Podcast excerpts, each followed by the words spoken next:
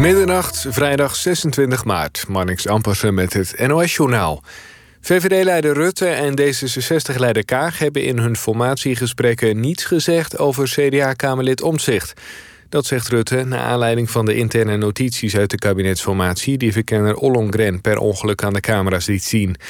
Daarin stond onder meer een opmerking over een mogelijk andere positie van Omtzigt. En dat zorgde voor veel opschudding bij vooral het CDA. Partijleider Hoekstra zei ook dat hij niet over omzicht is begonnen. Rutte zegt dat er ook niemand meer uitleg over gaat geven... omdat Ollongren is gestopt als verkenner. De Rijksuniversiteit Groningen verbreekt de samenwerking met het Groningen Confucius Instituut... dat banden heeft met de Chinese overheid.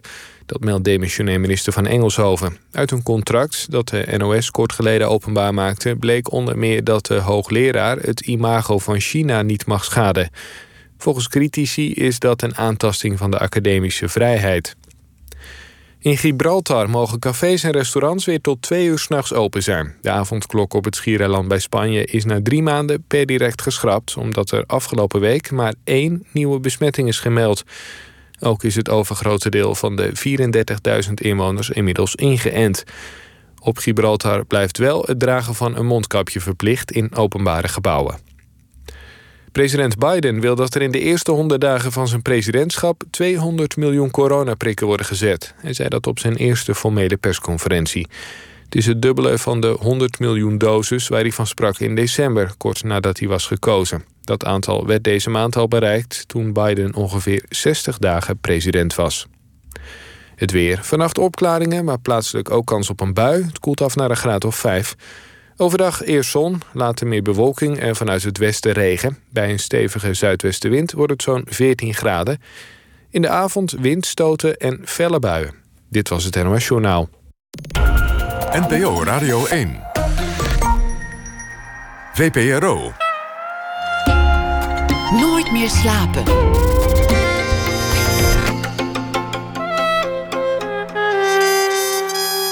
Met Pieter van der Wielen.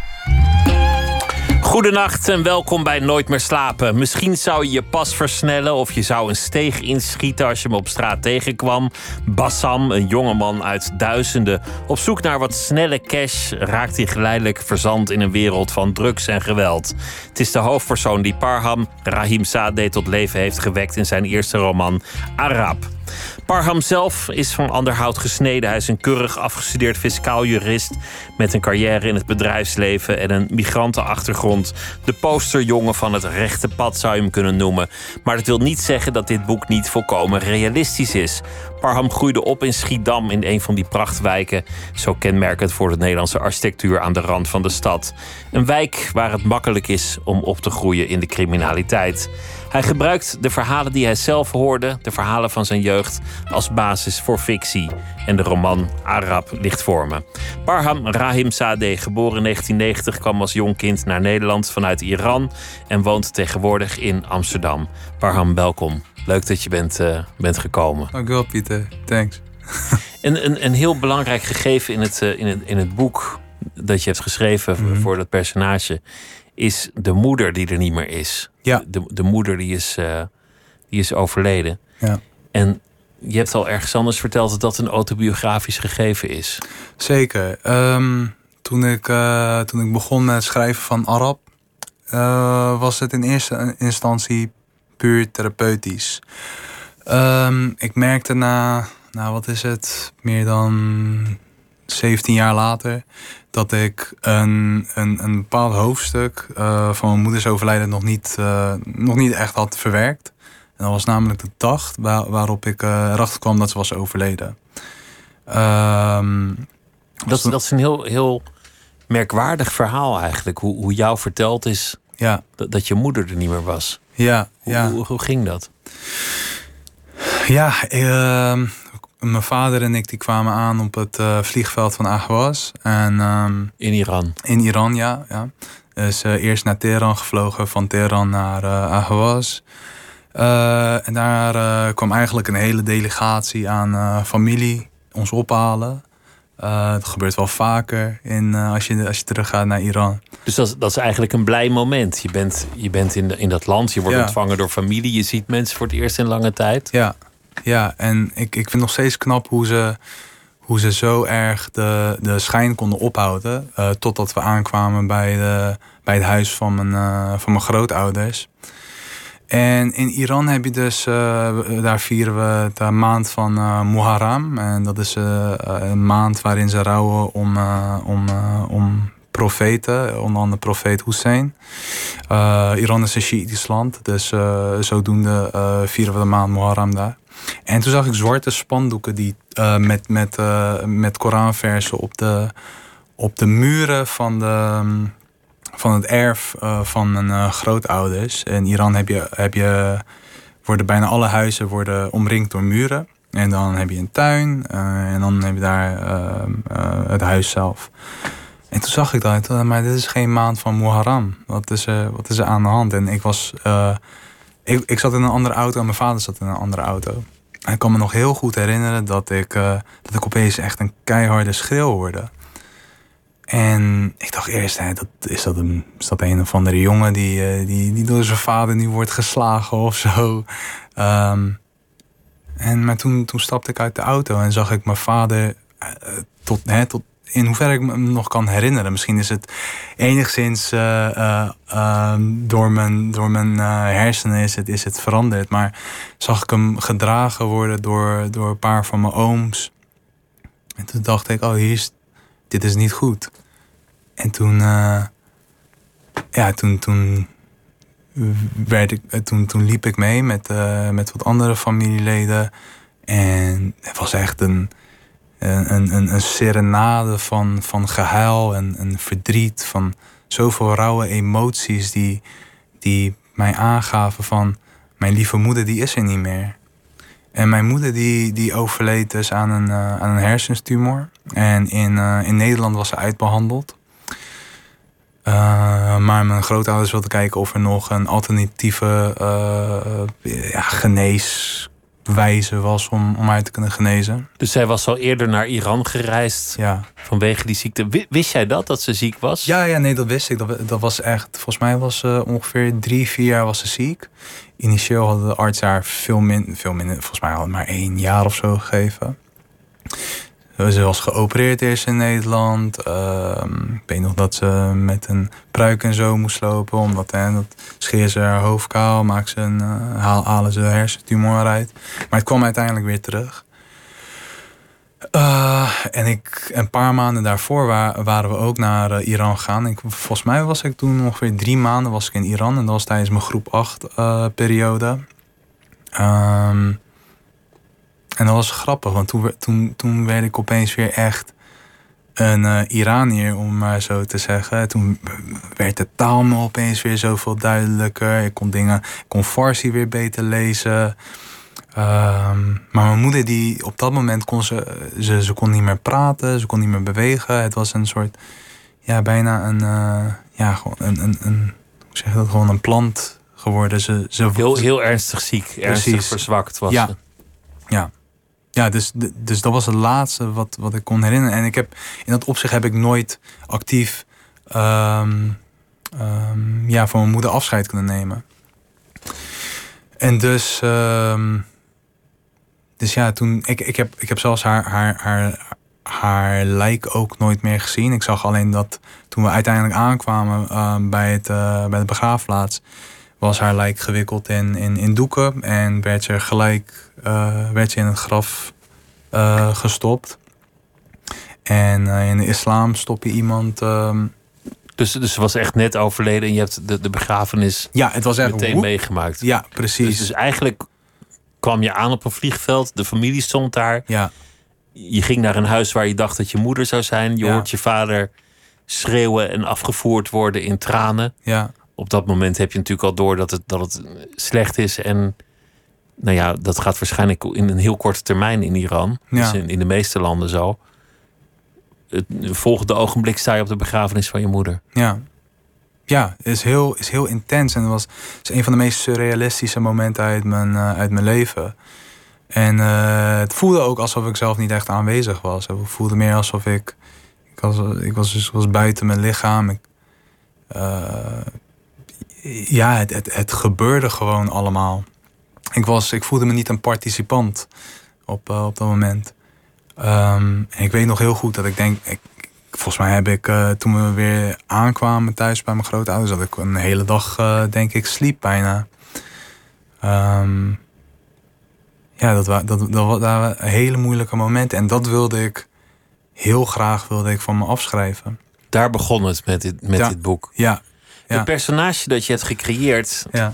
daarin speelt, speelt die moeder een heel grote rol. Ja. Eigenlijk is die moeder als een soort heilige in zijn leven aanwezig. Hij groeit op te midden van uh, allemaal gevaren, ja. risico's en verleidingen. Ja. En die liggen heel dicht bij elkaar. Klopt. Maar hij kijkt naar zijn moeder en denkt: ik wil, ik wil haar niet teleurstellen. Ja. Het is bijna alsof zij als een soort, nou ja, Jezus op haar neerkijkt. Of, ja. of, of, een andere heilig figuur. En dat is wat hem op het rechte pad houdt, maar uiteindelijk ook op het slechte pad brengt. Want in, in dit Juist. boek uh, gaat hij uiteindelijk om voor de vader te zorgen. Drugs handelen en, en andere rottigheid uithalen. Ja. Is, hoe is dat bij jou gegaan? Was je, was je moeder inderdaad als een soort geestesverschijning aanwezig in je hele, hele jeugd? Ja, dat wel. Ja, zeker. Ik, ik, ik weet nog dat ik ook ehm, ehm, toen, toen, volgens mij toen ik, toen ik weer in Nederland aankwam, toen had ik een eh, droom over mijn moeder. En het enige wat, wat ze deed was, was, me, was me vasthouden en me knuffelen.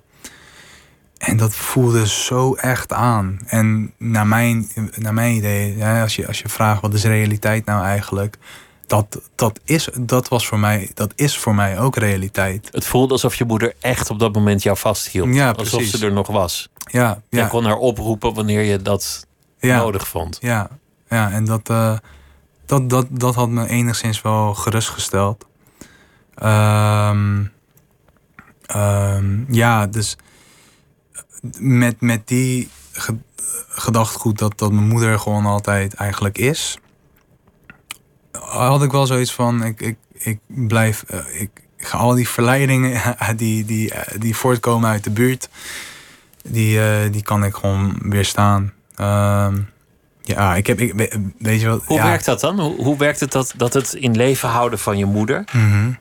er, er, is altijd een soort fase als iemand vertelt dat iemand is overleden, dat je denkt: ja, dit is een vergissing en hij, hij of zij komt zo binnenlopen. Ja, ja. En, en dat kan best lang duren. Het kan maanden duren. Dat je ja. denkt: nou, zijn jas hangt er nog. En uh, als hij terugkomt, dan kan hij gewoon weer zijn jas aan. Mm -hmm. Je noemde al dat je niet het lichaam hebt gezien. Mm -hmm. dat, dat is vaak een moment dat, dat de werkelijkheid indaalt. Ja. Maar jij hield kunstmatig je moeder in leven. Maar hoe helpt dat om de goede keuzes te maken? Hoe helpt dat om je, om je leven op het goede pad te houden? Nou, omdat ik dat ook dacht van, of denk van, uh, uh, mijn moeder kan me gewoon nog steeds zien. En, uh, je wilde haar niet teleurstellen? Nee, en ik wil, ik wil, wil haar, zie, haar ziel, haar essentie ook niet, niet, niet pijn doen, niet verdriet geven. Um, dus ik vond het altijd wel belangrijk om om gewoon mijn, mijn studie af te maken. En, en, en in dat opzicht hè, gewoon een, een, een goed mens te zijn. Dat klinkt alsof het niet vanzelfsprekend was dat je VWO ging doen en ging studeren. En nee. dat je niet in, in de criminaliteit kwam en met de politie in aanraking en rottigheid uithalen. Nee.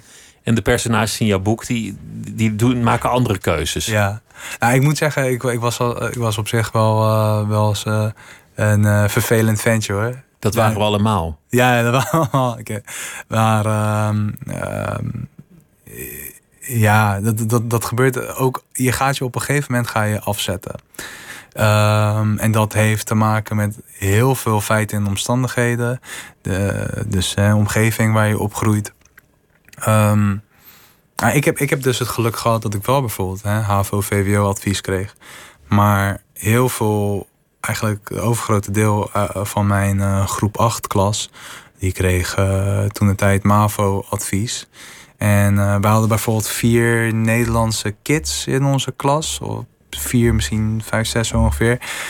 Maar het, is niet alleen een kwestie van etniciteit, merkte ik. Want ook die Nederlandse kids kregen lager advies. Dus het heeft ook heel erg te maken met, met, je, met de sociaal-economische klasse waartoe je behoort. Maar ook kinderen die best goed konden leren en best hun best deden, die kregen eigenlijk ja. vrijwel automatisch een lager advies. Ja, want, want dan is de, volgens mij is een gedachtgoed van uh, uh, je hebt het thuis al zo moeilijk. eh, doordat je het thuis al zo moeilijk hebt, het lukt je misschien wel om hè, eh, VWO te doen. Maar door je thuissituatie denken we niet dat je het haalt. Terwijl juist eh, men moet denken, kijk hoe, hoe goed je het doet, ondanks je thuissituatie. Ehm, en dat is ook bijvoorbeeld iets wat ik zag in de documentaire Klasse, wat mij echt, dat was wel echt een eye-opener. Want ik dacht, je had, je had bijvoorbeeld, je hebt bijvoorbeeld zo'n uh, school in, uh, Rot, in uh, Rotterdam Noord, in Amsterdam Noord, overgroot wit, en die kregen bijna allemaal HAVO, VWO. Maar de kinderen uit, uit school in de, in de armere wijken in Amsterdam Noord, die, die neigden allemaal naar VMBO. En ik van, wat een rare structuur die we hebben opgebouwd, dat ervoor zorgt dat dat uh, mensen in een bepaalde milieu blijven. Dat, heel... dat, je er niet aan zult ontsnappen. Ja. In, in het boek van Murat Isik, waar hij waar een paar jaar geleden een prijs voor won, ja. is dat een belangrijk gegeven, wat ook bij hem autobiografisch was. Ja. Dat hij eigenlijk de beste leerling van de klas is. En dat de docent zegt. En toch ga je naar, uh, naar de technische school, naar, naar het lagere onderwijs. Ja. Want dan zit je tenminste tussen je eigen soort. Ja. Daar voel jij je tenminste thuis, want alle Turken gaan daar naartoe. Ja. ja en dat is dan het moment bij hem dat zijn vader in opstand komt. Ja. Maar ja, wat jij zegt, het is een, een mechanisme van uitsluiting. Ja. Vertel eens over de wijk waarin je opgroeide daar in Schiedam. Wat, wat was dat voor buurt? Ja, Schiedam Groenoord. Uh, dat, is, uh, dus in, dat is in uh, Schiedam Noord. En uh, voornamelijk biculturele Nederlanders. ook wel witte Nederlanders. Um, maar uh, ja, het, het, het, was een soort van. Ik kan me nog herinneren dat, dat het sentiment daar was van dat het normaal was om minstens één keer te worden opgepakt of, uh, of uh, in aanraking te komen met, uh, met de politie, met, dat je naar bureau halt moet dat gaan. Dat was de norm. Dat was, dat was wel een beetje de norm, ja. Um, dus. En ook bijvoorbeeld, ik, weet nog dat ik, uh, dat, dat ik dan tegen mijn buurtgenoot zei van... ja, ik, ik heb, ik heb VWO-advies gekregen. En dat, dat ze dan zeiden van zo... Oh, jij krijgt wel VWO, hè? Oh, je doet het goed. En dat dat, dat, dat, dat, echt niet gegeven is. Um, en ook gewoon, ja, dus best wel veel criminaliteit. Je hebt, als je bijvoorbeeld in die ene flat keek... wist je dat daar bijvoorbeeld een, ook een, een, een, een bordeel zat... Of je keek in een andere flat, dan wist je dat daar een, een, een draaihuis was. Dus een huis waar ze, waar ze drugs gingen vervaardigen of, of uh, drugs stalden. Um, en ook gewoon ja, veel jongens die met, uh, uh, met of met vuurwapens of, of gewoon met messen en boksbeugels op zak liepen. Um, Wat je in het boek schetst zijn jongens die denken, oh dat is snel verdiend. Ja. En dan, dan erin terechtkomen en eigenlijk niet meer terug kunnen. Ja. Maar, maar wel vrij makkelijk verder erin gaan. En eigenlijk niet precies weten met wat voor krachten ze, ze aan het zollen zijn. Ja, en ja, er dat, gewoon totaal in verstrikt raken. Ja, dat is. Uh, ik denk, het is heel erg kort uh, uh, termijn denken. Um, en het is op dat moment heel erg leven. Want, want kijk, dus zoals ik net zei, je, je, gaat, je gaat je afzetten. En je ga, want het, het is ook een mix van, van, van wat uh, uh, politieke klimaat is. Hè? En, en wat, wat ze dan vinden uh, in het algemeen van, van Marokkanen, Turken, Joegoslaven, et cetera. Die hebben het gevoel dat ze er toch niet bij horen. Nee, precies, want we horen dat altijd. Of we, en denk nog, tenminste toen de tijd hoorden we dat altijd, van je hoort er toch niet bij. je bent geen onderdeel van deze samenleving. Dus ja, bekijk het maar. Maar dat aan elkaar vertellen is ook een mechanisme van elkaar klein houden. Ja, het ja. is eigenlijk elkaar ontmoedigen, probeer het maar niet, want ze willen je toch niet. Ja, want ik denk dat, dat, dat, uh, dat ze dan toch ergens bang zijn van, oh ja, die. Straks ontsnapt hij ons ja, ja, met zijn die, VWO. Die haalt het wel. En um, ja, dus dat, dat is een heel krachtig mechanisme dat ervoor zorgt dat, naar mijn ervaring, dat uh, dit allemaal in stand wordt gehouden. De spreekwoordelijke krabbenmand. Ja, ja, de precies. krabben die voorkomen ja, ja. Dat, dat de andere krabben ontsnappen. Klopt, klopt. Ja, heel erg eigenlijk. En, um, ja. al, al die verhalen die je hebt opgetekend, zijn het verhalen die je, die je hebt gehoord of die geïnspireerd zijn op anekdotes die je, die je kent? Het is echt een mengelmoes van sommige dingen die. Ehm, dat zijn gewoon van, eh, of van vrienden of van buurtgenoten van me. Maar dan heb ik ze wel enigszins hè, verdraaid. Eh, gewoon wat anders gemaakt. Sommige dingen zijn eh, sterke verhalen die ik wel eens heb gehoord. of dingen die ik dan die me hebben geïnspireerd. Ik wil iets van, iets van film of, of tv of, of, of muziek of, of boeken. Um, en ik, en ik focus me heel erg op het, op het gevoel dat, dat ik kan krijgen van, van zulke snippets, als het ware. En dat, dat tover ik eigenlijk dan weer om in, in, in geschrift.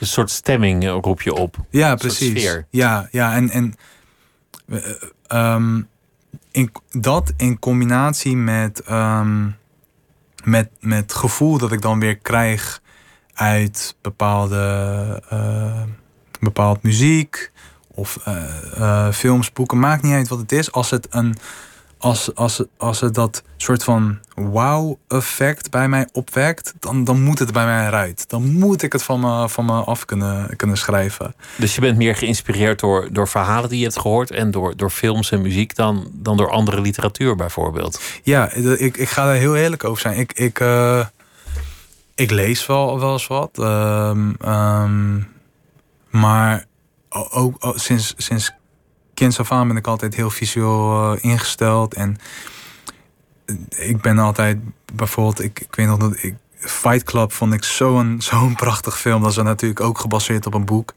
En bijvoorbeeld een, um, een, een, film, um, Een Profet, zo'n Franse film. Ja. Dat, dat zijn echt, dat, dat zijn verhalen die me zoveel hebben gedaan. Dat dat zo mooi verteld werden naar mijn, uh, naar mijn mening. En die me altijd dan zijn bijgebleven. Of, of La Hen, dat is, dat is een klassieker. Um, en, ik, en ik wilde altijd zelf ook zo'n verhaal kunnen vertellen. Dat, dit heeft wel een beetje de, de, de sfeer van La Hen. Van, het, ja. van, van een, een buitenwijk en, en een pistool dat ineens in een verhaal geïntroduceerd wordt. Ja. leven al je vriendjes van vroeger nog? Je uh, buurtgenootjes?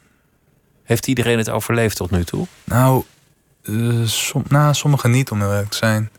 Um, best wel veel. Ja, tenminste, er zijn wel wat, wat jongens van vroeger die, die gewoon zijn overleden. Of, of, of, door, uh, of door criminaliteit, of door, of door uh, drugs. Um, maar ook sommigen die gewoon er niet meer zijn in hun hoofd. Dus eigenlijk al een stukje wel echt zijn overleden en een heel ander persoon zijn geworden. In welke zin? Dat ze zijn afgestompt? Of, of... Ja, ik, eh, bijvoorbeeld een van, mijn, van mijn beste vrienden. Um, die, die zat er ook heel erg in. Maar rond zijn 20ste, 21ste. Um, ja, hij had het best wel, had het wel goed voor elkaar als het gaat om uh, um, om ondernemen in, in, die, uh, in, in die circuit. Maar toen begon hij heel erg te blowen. En hij, hij deed, daarvoor deed hij niks. Hij, hij dronk nooit, hij, hij rookte nooit, nam nooit drugs. En toen blowde hij misschien tien jointjes per dag. En hij zit nog steeds, tien jaar later zit hij in een psychose. En ja, ik, ik heb altijd wel het gevoel gehad dat dat ik hem toen al ben, ben kwijtgeraakt. Want niks helpt. Echt niks. We hadden het over die, die, die krabbenton. Ja. Heb je, heb je soms schuldgevoel dat, dat je weg bent gekomen, dat je, dat je in een andere stad bent gaan wonen, dat je gestudeerd hebt, dat je een goede baan hebt gevonden? Ja nee. Ja, het, kijk, ik, ik zeg nee omdat, het, omdat dat omgeving waar ik ben opgegroeid me gewoon heel, heel erg even hard. En ook omdat ik dus... Ik ben mijn moeder kwijtgeraakt op 12-jarige leeftijd. Ik ben mijn uh, beste vriend die ik als, als mijn broer beschouw... Die, die overleed toen ik 18 was. Die overleed aan kanker. Daarna toen ik 20 was werd een van mijn andere vrienden werd geliquideerd. En, en dan, weet je, dan, dan gaat het gewoon zo, zo door. En dan uiteindelijk uh, is het gewoon overleven. Weet je, dan denk je van ik ga, ik ga, niet, zo, ik ga niet zo eindigen. Ik ga, ik, het is, ik voel me ook, ik voel me juist schuldig naar, of hun, ik ben hun verschuldigd om echt iets van mijn leven te maken. En al die mensen die dan uh, die daarin blijven hangen, ja, ik heb wel, ik heb wel heel erg sympathie voor ze. Want ik, ik weet dat, dat het, het is geen leuk leven. Het lijkt misschien leuk, maar je maakt heel veel geld. Maar je kan dat eigenlijk nergens aan uitgeven. Behalve aan kleding, auto's uh, en uitgaan. Ja, uiteindelijk is dat een heel oppervlakkig leven. En je moet je beschermen, want, want anderen weten dat je dat geld hebt. En dat, dat je naar niemand toe kan stappen als zij het van je afnemen, om maar eens wat te noemen. Ja. Of, of je zit in iemands wijk, of je bent van iemand afhankelijk, of je, of je, je weet iets. Of ja. op, op allerlei manieren lopen mensen gevaar. Zeker. Of ze komen op om in de, las ik ook wel eens in de krant, bij een of ander laboratorium dat ze zelf dachten ecstasy te gaan maken en in de giftige dampen onderuit gingen. Ja. Komt ook meer voor dan je denkt. Komt best wel veel voor, ja. Zo, ja. Dat, uh, dat zijn, dat zijn uh, Nederlandse tragedies. En uh, ik heb geprobeerd om uit die tragedies enigszins schoonheid te kunnen, te kunnen laten zien.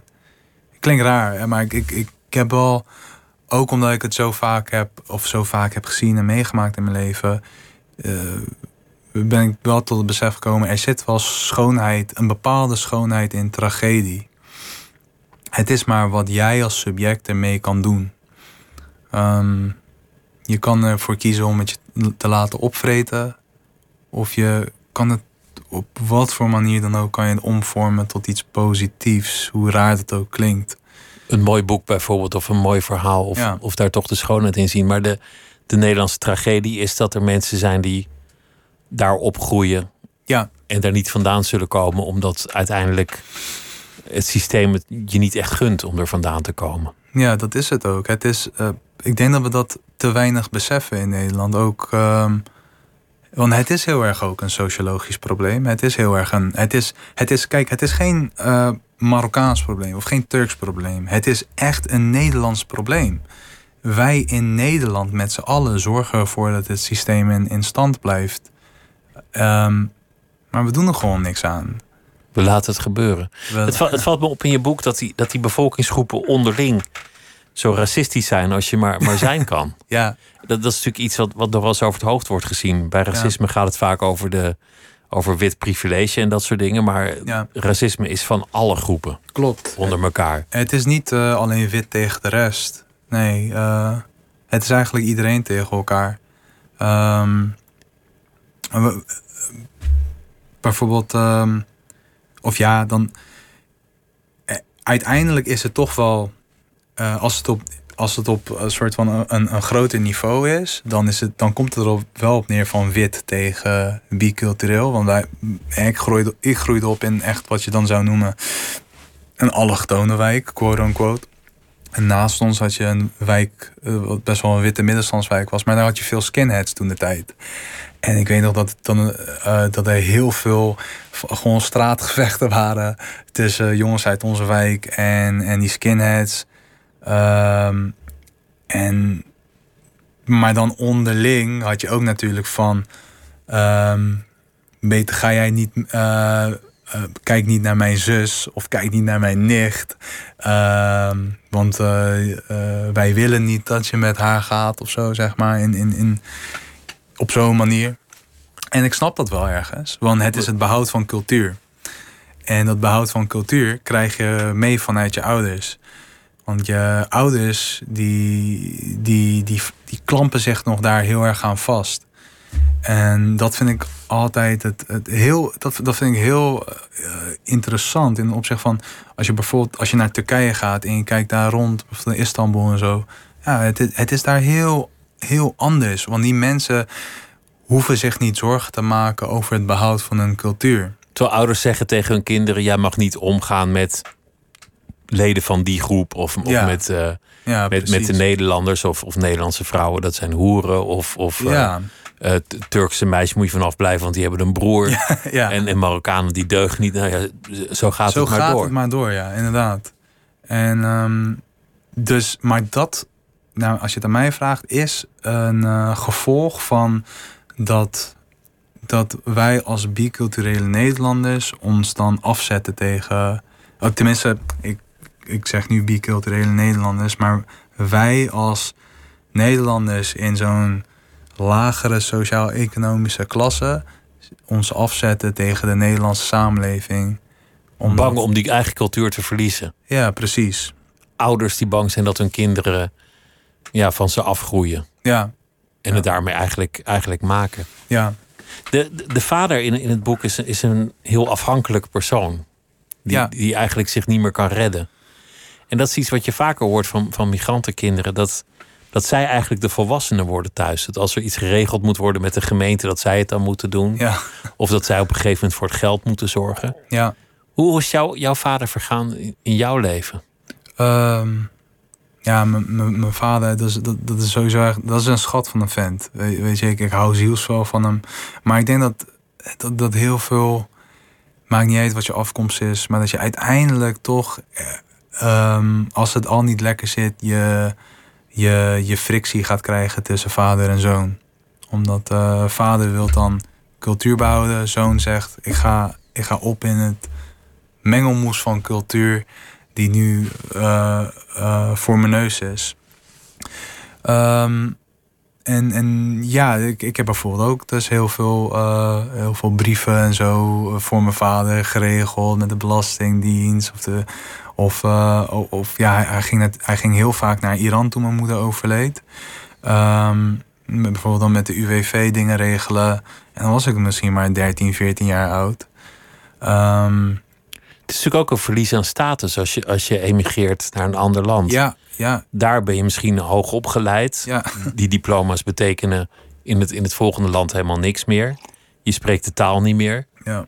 Het is eigenlijk alsof je, alsof je als een soort zwaan die de tong is verloren bent ja. beroofd van al je middelen. Ja, je, je verliest een behoorlijk deel van je identiteit eigenlijk. En ja, het is, het, is, het is heel moeilijk voor te stellen. Van in je eigen land had je, had je zoveel. Maar je komt dan in een land terecht waar, waar ze niet je, je, je kundigheid en je papieren erkennen.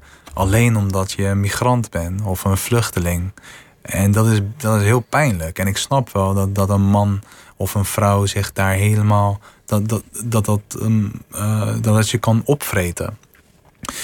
En. Um, ja, ik, ik, ik heb dan het, bijvoorbeeld het verlies van, van iets qua, qua werk heb ik ook uh, ooit meegemaakt. Ik had, ik had eerst een, een eigen onderneming, een, een online uh, uh, webshop met, me, met mijn broer. Ja, dat, dat, uiteindelijk moesten we ook een faillissement aanvragen. En ik weet nog hoe, hoe naar ik me voelde, omdat ik echt een, ook een belangrijk deel van mijn identiteit daardoor kwijtraakte. Dus laat staan hoe mijn vader zich voelde toen hij hier naartoe kwam. En, dus het moment dat, want jij bent ja. uh, fiscaal recht gaan studeren ja. in Rotterdam. ja. echt, echt een studie die je gaat doen omdat je, dat je hogerop wil, denk ik. Ja. Of het moet je hobby zijn geweest, belastingen, maar dat, ja. dat lijkt me bijna niet. Nee. Toen, toen heb je een carrière gehad, dat eigen bedrijf wat je noemt. Ja. Je hebt ook een tijd bij een, een groot internationaal accountantsbureau gewerkt. Ja. En dan op een gegeven moment in al dat succes gaat het mis. Je bedrijf gaat failliet. Ja. Dat kan gebeuren. Ja, dat kan gebeuren. Daarna ging ik weer mijn, uh, uh, mijn studie. Uh, daarna ging ik mijn studiepas afmaken. En was al die jaar was ik eigenlijk ging ik ondernemen en studeren. Ging ik soort van balanceren. Maar ja, dat lukt natuurlijk niet. Dus ik was helemaal aan het ondernemen. Dat deed ik ongeveer vier jaar, vier jaar of zo. En toen had ik een bepaalde status voor mezelf opgebouwd. En dat viel toen weg. En toen, toen ging ik werken bij, uh, uh, bij Apple uh, op de Leidseplein. En jezus, dat was echt, dat was gewoon je me trots inslikken, joh.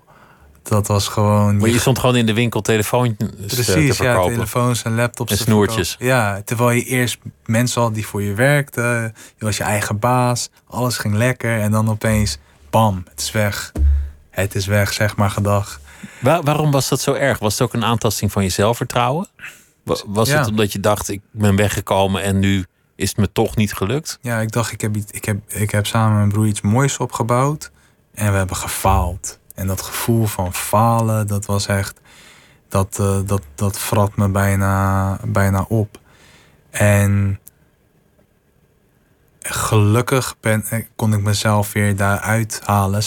En, en grotendeels door mijn vrouw natuurlijk. Die, die, die heeft me altijd bijgestaan. Dat is echt eh, de liefde van mijn leven. Die, die, die doet echt. eh, die, heeft, die, die heeft ervoor gezorgd dat ik nu eigenlijk zit waar ik zit. Ehm, dus ik heb heel veel aan haar te danken. Als ik niet zo een, een, een sterk persoon achter me had, dan was het misschien wel anders met me, met me afgelopen. Want dit maakte die knauw in je zelfvertrouwen. Je, je hebt ook een ernstig verkeersongeluk meegemaakt. Ja, dat was ook dus nadat. Uh, in diezelfde periode? Ja, was diezelfde periode. Wat, wat gebeurde er? Nou, ik, was, ik zat samen met, me, met mijn vrouw, uh, toen nog mijn vriendin, uh, zaten we in de auto. Uh, ze, ze, had voor mijn verjaardag had een uh, surprise uh, B-day party georganiseerd in Rotterdam.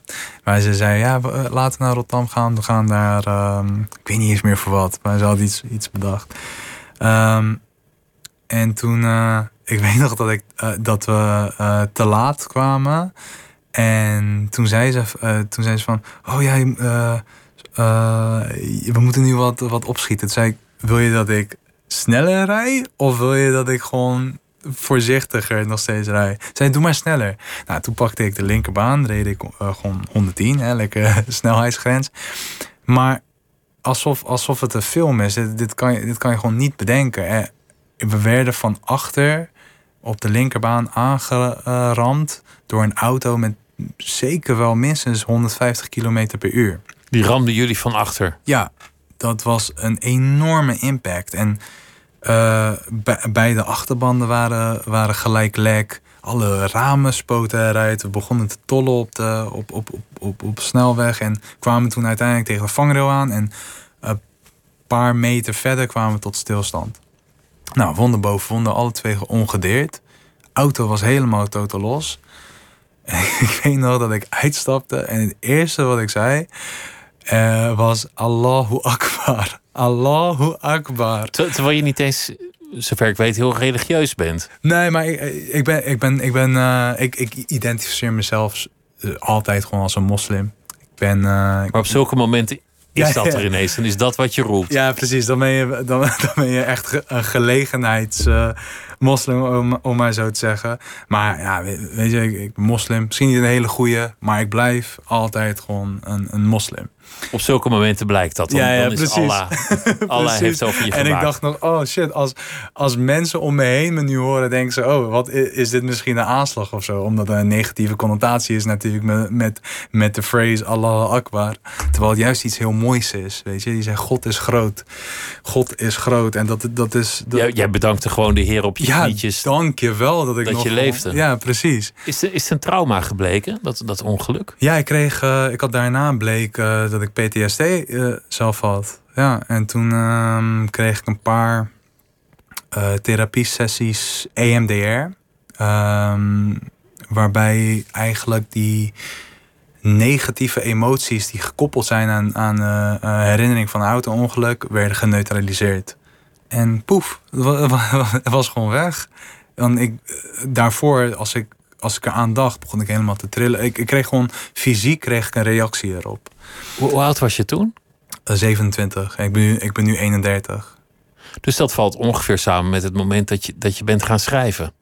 Nee, ik ben gaan, ik ben gaan schrijven op mijn uh, 29ste in principe. Maar ik schreef al toen ik ongeveer, toen, rond mijn twaalfde, eigenlijk toen mijn, toen mijn moeder overleed. Uh, toen schreef ik gedichten en uh, schreef ik ook rapteksten. Samen met mijn beste vriend Moreno. Maar toen Moreno overleed aan kanker, toen, toen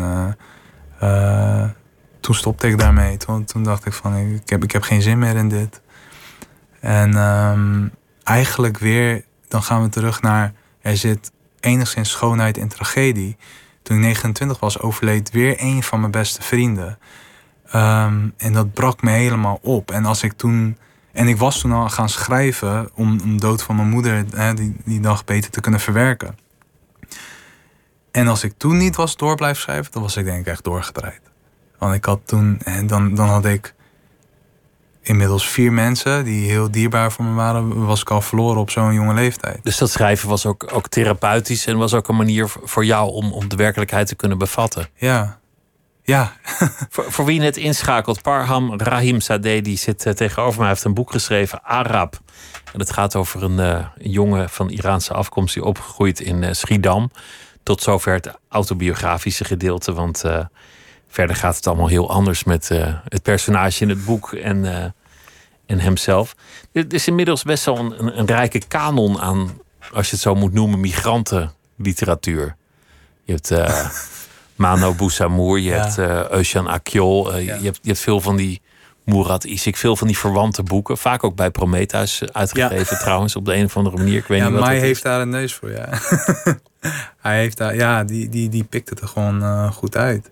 Maar ik, ik, ik wil het zelf, ehm, ik, wil, ik wil wat ik schrijf niet in, eh, in een hokje stoppen in dat opzicht. Je, je voelt je niet verwant of je wilt niet Nee. in, een, in een rijtje zetten. Nee, nee ik, denk, ik denk dat het is. We zijn in principe, ehm, eh, of het nou ehm eh, biculturele Nederlanders zijn of witte, Nederlandse, witte Nederlanders. Het is een nieuwe eh, lichting aan, aan Nederlandse schrijvers. Die, die eigenlijk de eh, Nederlandse literatuur kunnen verrijken met, met perspectieven die, die ongehoord waren tot, tot een aantal jaar geleden. En dat laat zien hoe mooi onze samenleving eigenlijk kan zijn. Dat we zulke perspectieven kunnen, kunnen, kunnen, kunnen inzien en, en ons kunnen hopelijk kunnen verplaatsen in andermans bubbel. Want dat was ook iets wat ik beoogde toen ik Arab schreef. Ik wilde eigenlijk iemand die in een, eh, eh, die in een heel ander milieu is opgegroeid, ehm, inzicht geeft van hoe het kan zijn. Hè, natuurlijk, het, het, is merendeels fictie. Hoe het kan zijn om op te groeien in, in zo'n wijk. Om misschien ook ervoor te zorgen dat het toch wat meer begrip is voor elkaar. Weet je, ik, ik leef in een bubbel. Ja, iedereen leeft in een Iedereen bubbel. leeft in een bubbel. En ik wil juist die bubbels, ik wil, ik wil daaruit komen. Ehm, hoe, ja, hoe, hoe tegenstrijdig dat ook kan zijn. Want het, het lukt natuurlijk niet helemaal. En we blijven allemaal in bubbels leven. Maar als, je, als we enigszins meer begrip tonen voor elkaar... dan eh, komen we denk ik wel wat verder in dit land. Nou, nou is het zo dat, dat jij waarschijnlijk niet heel veel gedonder krijgt met je boek. Hoewel, gedonder krijg je met Ja, alles. Haat, precies. haat zal er zijn. Ja, ja zeker. Rottigheid zul je krijgen. Ja, Ook, ook, al, ook al zou je een absolute heldendaad verrichten. ja, Door als eerste man op Mars te landen. Dan, dan nog zou je wensen dat je daar was gebleven als je terugkomt. Zul, Ja. je, zul je rottigheid krijgen. precies. Maar er is nu een, op nummer 1 in de bestsellerlijst het boek van Lale Gül. Ja, Die echt gevaar loopt en, en wordt bedreigd. ja, En, en er zijn, zijn echt wel redenen om, om je zorgen te maken over die bedreigingen. ja. Het, het lijkt in die zin wel heel onge- ongelijk tussen man en vrouw wie, Mhm. wie er precies de verhalen van, van de buitenwijken mag vertellen. Ja, maar ik denk eh, sowieso allereerst, het, het, het is heel, heel treurig hoe dat nu loopt met, eh, met Lale. Eh, eh, iedereen mag in principe zeggen wat hij wilt. Hm, maar ja, er, is de kans dat, dat, eh, dat men beledigd kan worden. Maar ik, ik geloof persoonlijk niet in nuance in boeken. Dat is, dat is censuur op iets wat eigenlijk, daar, daar hoort het niet thuis. Je moet gewoon schrijven wat je te Je vertellen gewoon, hebt. ja, precies. En ik denk, zonder reserve. ja, en ik denk dat, dat ook mensen moeten beseffen dat het, dat het niet per se, en dat, dit is hoe ik het interpreteer, ehm, niet per se over islam gaat.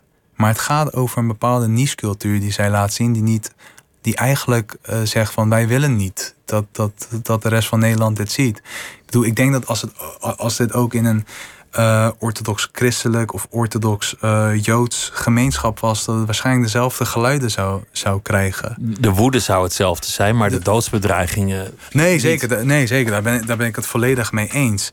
Ehm, en, en nogmaals, dat, dat, dat is gewoon treurig. En inderdaad, als je het hebt over man-vrouw verhoudingen. ehm, ja, dat, dat is ook heel achtergesteld. Of heel, heel achterlijk hoe, hoe, dat, hoe dat gaat. Dat Want- is iets wat ook in jouw boek terugkomt. Ja, dat, zeker. dat, dat vrouwen gewoon niet dezelfde rechten hebben of dezelfde vrijheden. ja, Dat de hindernissen die jij beschrijft voor jouw personage voor, voor de meisjes nog vele malen hoger zijn. ja. Komt er eigenlijk op neer of je breekt met je familie Mhm. of je komt maatschappelijk nooit verder in sommige gevallen. Ja. Ja, dat is, eh, dat is, dat, dat is zeker zo. En ik vond het wel ook wel, ik vond het wel belangrijk om te belichten. Want ik neem je, met Arab neem ik je heel erg mee in, in een mindset van, van een, een, een, een biculturele tiener die in een bepaalde omgeving opgroeit en die dus ook, een, die dus ook bepaalde denkwijzes he- heeft. En eh, het, ja, het kan, het kan voor de lezer vrouwonvriendelijk overkomen. Want, want er wordt, wordt in, in rauwe seksuele termen gesproken over vrouwen. Ja. Door, door de jongens. Maar ja, door, de- door de jongens. dat, lijkt ja. me eigenlijk wel realistisch. Ja, precies. En, en, Ik denk dat dat zo gaat. Ja, en als ik. Het is een beetje raar als ik, als ik dat, eh, dat, dat zou weglaten, zeg maar. Of dat, dat ik dat zou nuanceren. Want dat, Dat, dat eh, die criminele hangjongeren ineens met zeer veel respect en, en zeer geëmancipeerde termen over vrouwen zouden spreken. Ja, en eh, dat, dat hoort niet thuis in een boek. Als jij, als jij echt een eh, belevenis wilt, dan, dan hoort dat gewoon niet thuis. Ehm, net als dat er dus eh, dat, dat in het boek ook laat zien dat er heel veel discriminatie is onderling of tussen eh, witte Nederlanders en biculturele Nederlanders. Dat moet er ook gewoon in, in, in gezegd worden. Ja. Ja, je moet niet je, je boek gaan afzwakken omdat iemand misschien wel beledigd zou kunnen, kunnen Ja, want worden bele- erdoor. beledigd wo- wordt men toch. Ja, Dus- ga daar maar vanuit. Ja. Jij, bent, jij bent geboren in Iran en, relatief jong naar Nederland gekomen. Ja. Toen, toen was alles nog goed. Je, je ouders waren nog bij elkaar. Wat, wat was eigenlijk de reden van hun migratie? Wat, wat was eigenlijk het verhaal daarachter? Wat weet jij daarvan? Ja, ze wilde. In principe, kijk, ik denk dat voor veel Midden-Oosterse eh, mensen toen de tijd echt iets bestond als, de, als een Europese droom. Hè, We gaan naar Europa, alles is daar beter. Daar zijn mogelijkheden, daar kunnen we verder. Ja, ja precies. De- en ik denk dat, dat ze dat dan voor ons dan eh, heel erg gunden. Ehm, en ik verbaas me soms over dat we dan... Weet je, we konden overal eindigen. We konden ook in Amerika eindigen. Of, of ergens in Scandinavië. Of eh, misschien juist naar, eh, naar China of zo. Ik weet het niet. En van all, all places eh, zijn we in Nederland geëindigd. Ehm, Wat best wel willekeurig was. Nou, op, op zich wel, tot, tot, tot, tot, ja, tot een bepaalde mate. Ik, ik, ik, een neef van mij woonde al in Nederland. Ehm, hij is maar drie jaar, drie, drie jaar jonger dan mijn vader. dus eh, voor lange tijd dacht ik ook altijd dat hij mijn oom was. Pas later eh, zijn mijn pa... Nee, dit is gewoon je neef. Oh, oh ja, oké, ja, duidelijk. Eh, maar hij woonde er al en... ehm, via hem kwamen we, kwamen we uiteindelijk naar Nederland. Hij haalde ons ook op in, in Duitsland. En hij heeft uiteindelijk heeft hij ook in Duitsland eh, heeft hij ongeveer twee jaar zo in, eh, in de gevangenis gezeten. Omdat hij ons hielp om naar Nederland te komen. Ehm, en dat had hij me ook, dat had hij me ook pas verteld. En dat, verba ja, dat, dat verbaasde me ook zo. Dat, dat, dat mijn neef zoveel jaren voor ons heeft opgeofferd. Alleen om ervoor te zorgen dat wij hier, hier naartoe zouden komen. En, en hoezo kwam die daarvoor in de gevangenis dan? Hoe, hoe, hoe gaat dat?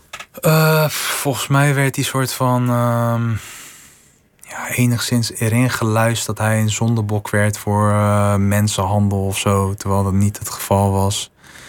Eh, tenminste, als ik, als, ik nu niet, als ik het verhaal nu niet, niet, nu niet helemaal afslacht. Maar daar, daar kwam het wel een beetje op neer. Had de wet overtreden of iets? Ja, ja.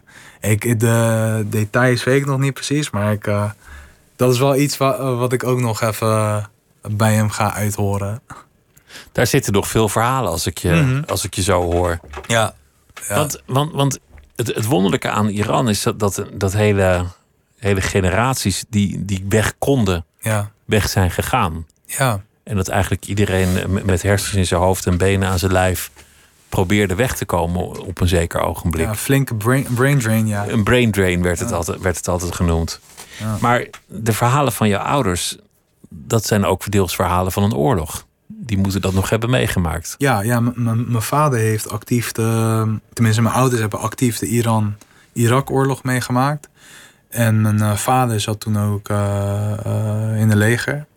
En want wij, de regio waar wij vandaan komen, ehm, de provincie Goezestan, dat grenst aan Irak. En dat is ook een provincie waar, waar best wel wat, ehm, ja, wat eh, om, om het zacht uit te drukken, heisa over is omdat het een olierijk gebied is en eh, eh, Saddam Hussein toen de tijd wilde, wilde Goez- Goezestan ehm, inpikken, om het maar zo te zeggen. Dus daar werd flink gevochten. En uiteindelijk hield Iran stand en was dat ook een. Ja, er werd heel veel daar gevochten. Nou zei mijn vader altijd, toen ik klein was nog, dat, dat hij niet actief deelnam aan, aan oorlog. En dat hij dan eh, als kok werkte of iets. Maar... Dus hij zat in het leger, maar dan was die kok Ja, ja, ver achter de linies. ja. Maar een paar jaar geleden kwam wel de aap uit de mouw. En heeft hij me wel wat meer over verteld. Ehm, en dan besef je toch wel dat je vader echt vrij heftige dingen heeft meegemaakt. Eh, en zoveel heeft ook, ook hij en mijn moeder zoveel hebben opgeofferd voor ons om dan hier, hier naartoe te kunnen komen. Dus dat is ook weer dat ik, ik, ik ben ook, ik voel me ook heel erg naar mijn vader toe verschuldigd en naar de, naar, naar de, naar de gedachte van, van mijn moeder om, om echt iets van te maken. Ehm, Daar komt, daar komt jouw ambitie ook vandaan. daar komt mijn ambitie wel grotendeels vandaan, ja. Ja, ook, ja, want... Ja, Waren verhalen belangrijk bij jullie thuis? Werden er veel verhalen verteld? Of Ja, werd, er, werd er gelezen? ja, het, is, het is een soort cliché over, Ja. over, de, over de Iraanse cultuur. ja nee, Iraniërs zijn allemaal, bijna allemaal geboren verhalenvertellers. Eh, eh, en ook, ehm, ehm, zoals eh Sholeh Rezazadeh ook zei... Die hier wordt- van de week was. Precies, ja, er wordt heel veel wordt er, ehm, wordt er eh, gereciteerd uit eh, gedichten van Hafiz of Rumi. Ehm, en dat, zijn, dat is gewoon onderdeel van onze cultuur. Ehm, dat vind ik heel prachtig. Eh, en ik denk dat het ook waarschijnlijk dan deels genetisch is bepaald. Dat, dat ik ook gewoon dat ik verhalen kan vertellen. Ehm, en ik vind het altijd ook heel mooi hoe, mm, hoe, hoe de oudere generatie dan, dan die verhalen kan vertellen. Het, het, heeft, het heeft onbedoeld altijd iets poëtisch. en eh, dus ik ben, ik, ja, ik ben heel dankbaar dat dat een onderdeel is van, eh, van mijn cultuur. Maar, maar kennelijk ook kunnen zwijgen. Want jou, jouw vader heeft een oorlog meegemaakt. Ja. Heeft meer gedaan dan alleen kok zijn. Mhm. Misschien heeft je vader, ja, is eigenlijk best aannemelijk, wel, wel iemand doodgemaakt. Dat is, dat het is, leven heeft, ge- heeft genomen. dat is zeer aannemelijk. Hij is daar wel. eh, is die daar eh, een beetje. Hij heeft daar wel wat dingen dan ooit van. Ja. over gezegd. Eh, maar dan ging hij nooit echt verder op in, omdat hij. Ja, je, je, je merkt dan wel dat het, hem, dat hem wat doet. Ja, natuurlijk doet het hem wat, maar dan, dan is hij daar heel terughoudend in. En dat snap ik ook wel. Maar ik zou toch uiteindelijk wel graag eh, die ervaringen van hem zou. Ik zou dat graag willen horen van hem. Toch uit te willen trekken op deze ja, of en andere ook manier. omdat ik. ehm, kijk, verstandhouding vader-zoon in Midden-Oosterse culturen is vaak een beetje eh, heel autoritair. Dus ehm, je vraagt je vader ook eigenlijk niet naar zulke dingen. Maar nu, nu ik ouder ben en zelf ook een zoon heb, dan ja, eh, heb ik toch wel echt eh, het verlangen om, om daar meer over te weten. Ook om te weten hoe mijn vader nou precies in elkaar steekt. En ik wil gewoon, ik ben heel erg geïnteresseerd in, in wat hij te zeggen heeft. En ook omdat hij eh, in, zo, in, in alle jaren dat hij in Nederland is, weet je, dat, dat er naar hem gekeken is alsof hij een of andere domme migrant is. Terwijl dat, dat is verre van dat, weet je. Ik, hij, hij, hij was een ingenieur in, in, in, Iran, kwam naar Nederland, werkte een paar jaar op een booreiland. Tot, maar dat is echt fysiek. Echt maakt dat je. Dat maakt je helemaal kapot. En dan maakt hij nog raakt hij zijn eh, vrouw kwijt. En ik, die man verdient zoveel meer respect dan, dan de maatschappij hem heeft gegeven. En, en dat, is, dat is waar we het over hadden, de tragiek van de migrant. Precies. Je, ver- je verliest je status. ja.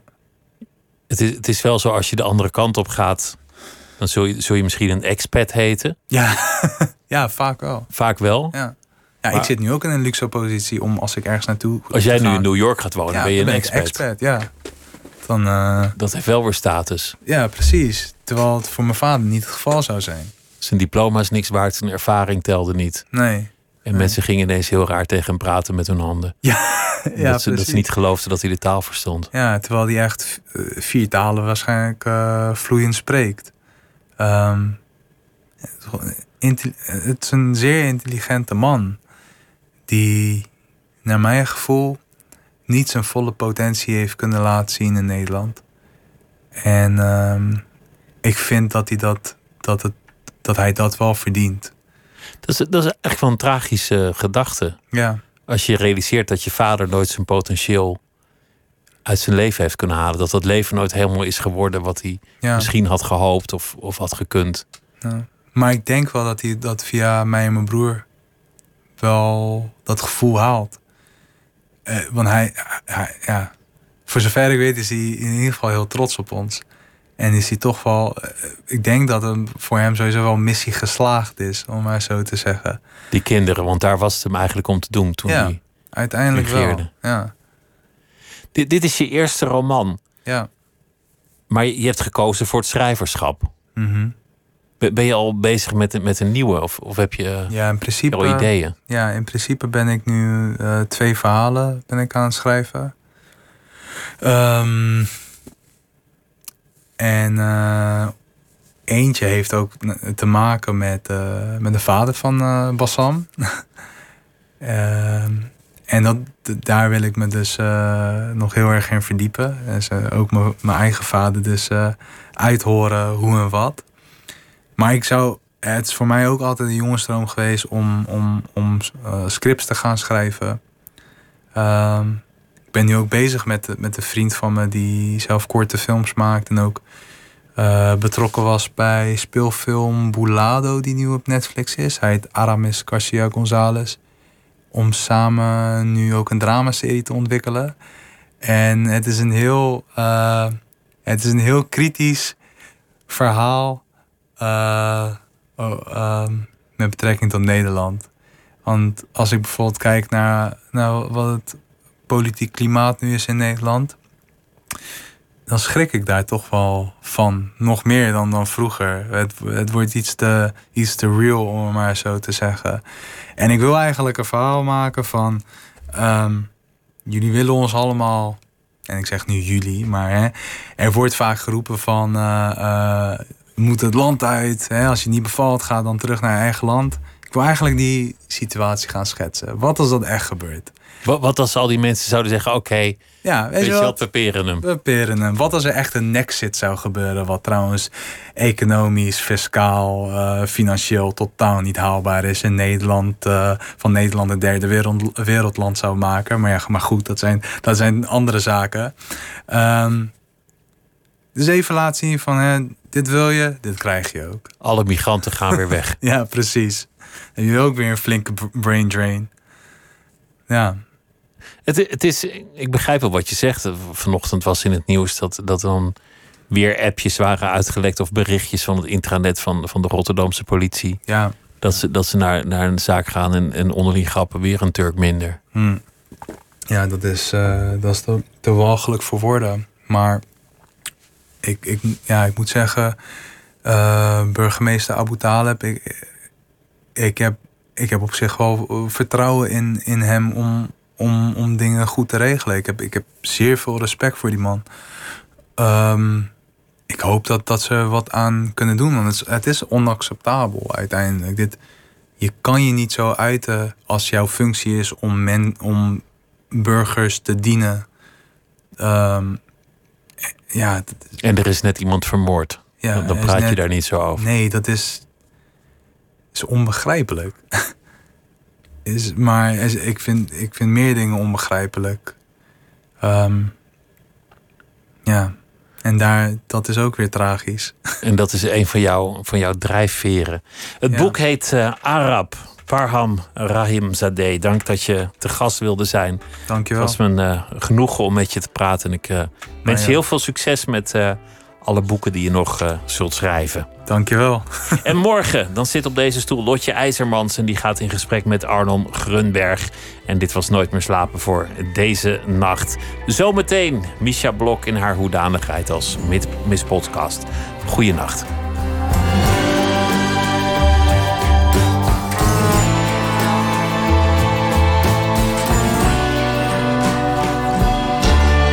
Radio 1. Het nieuws van alle kanten.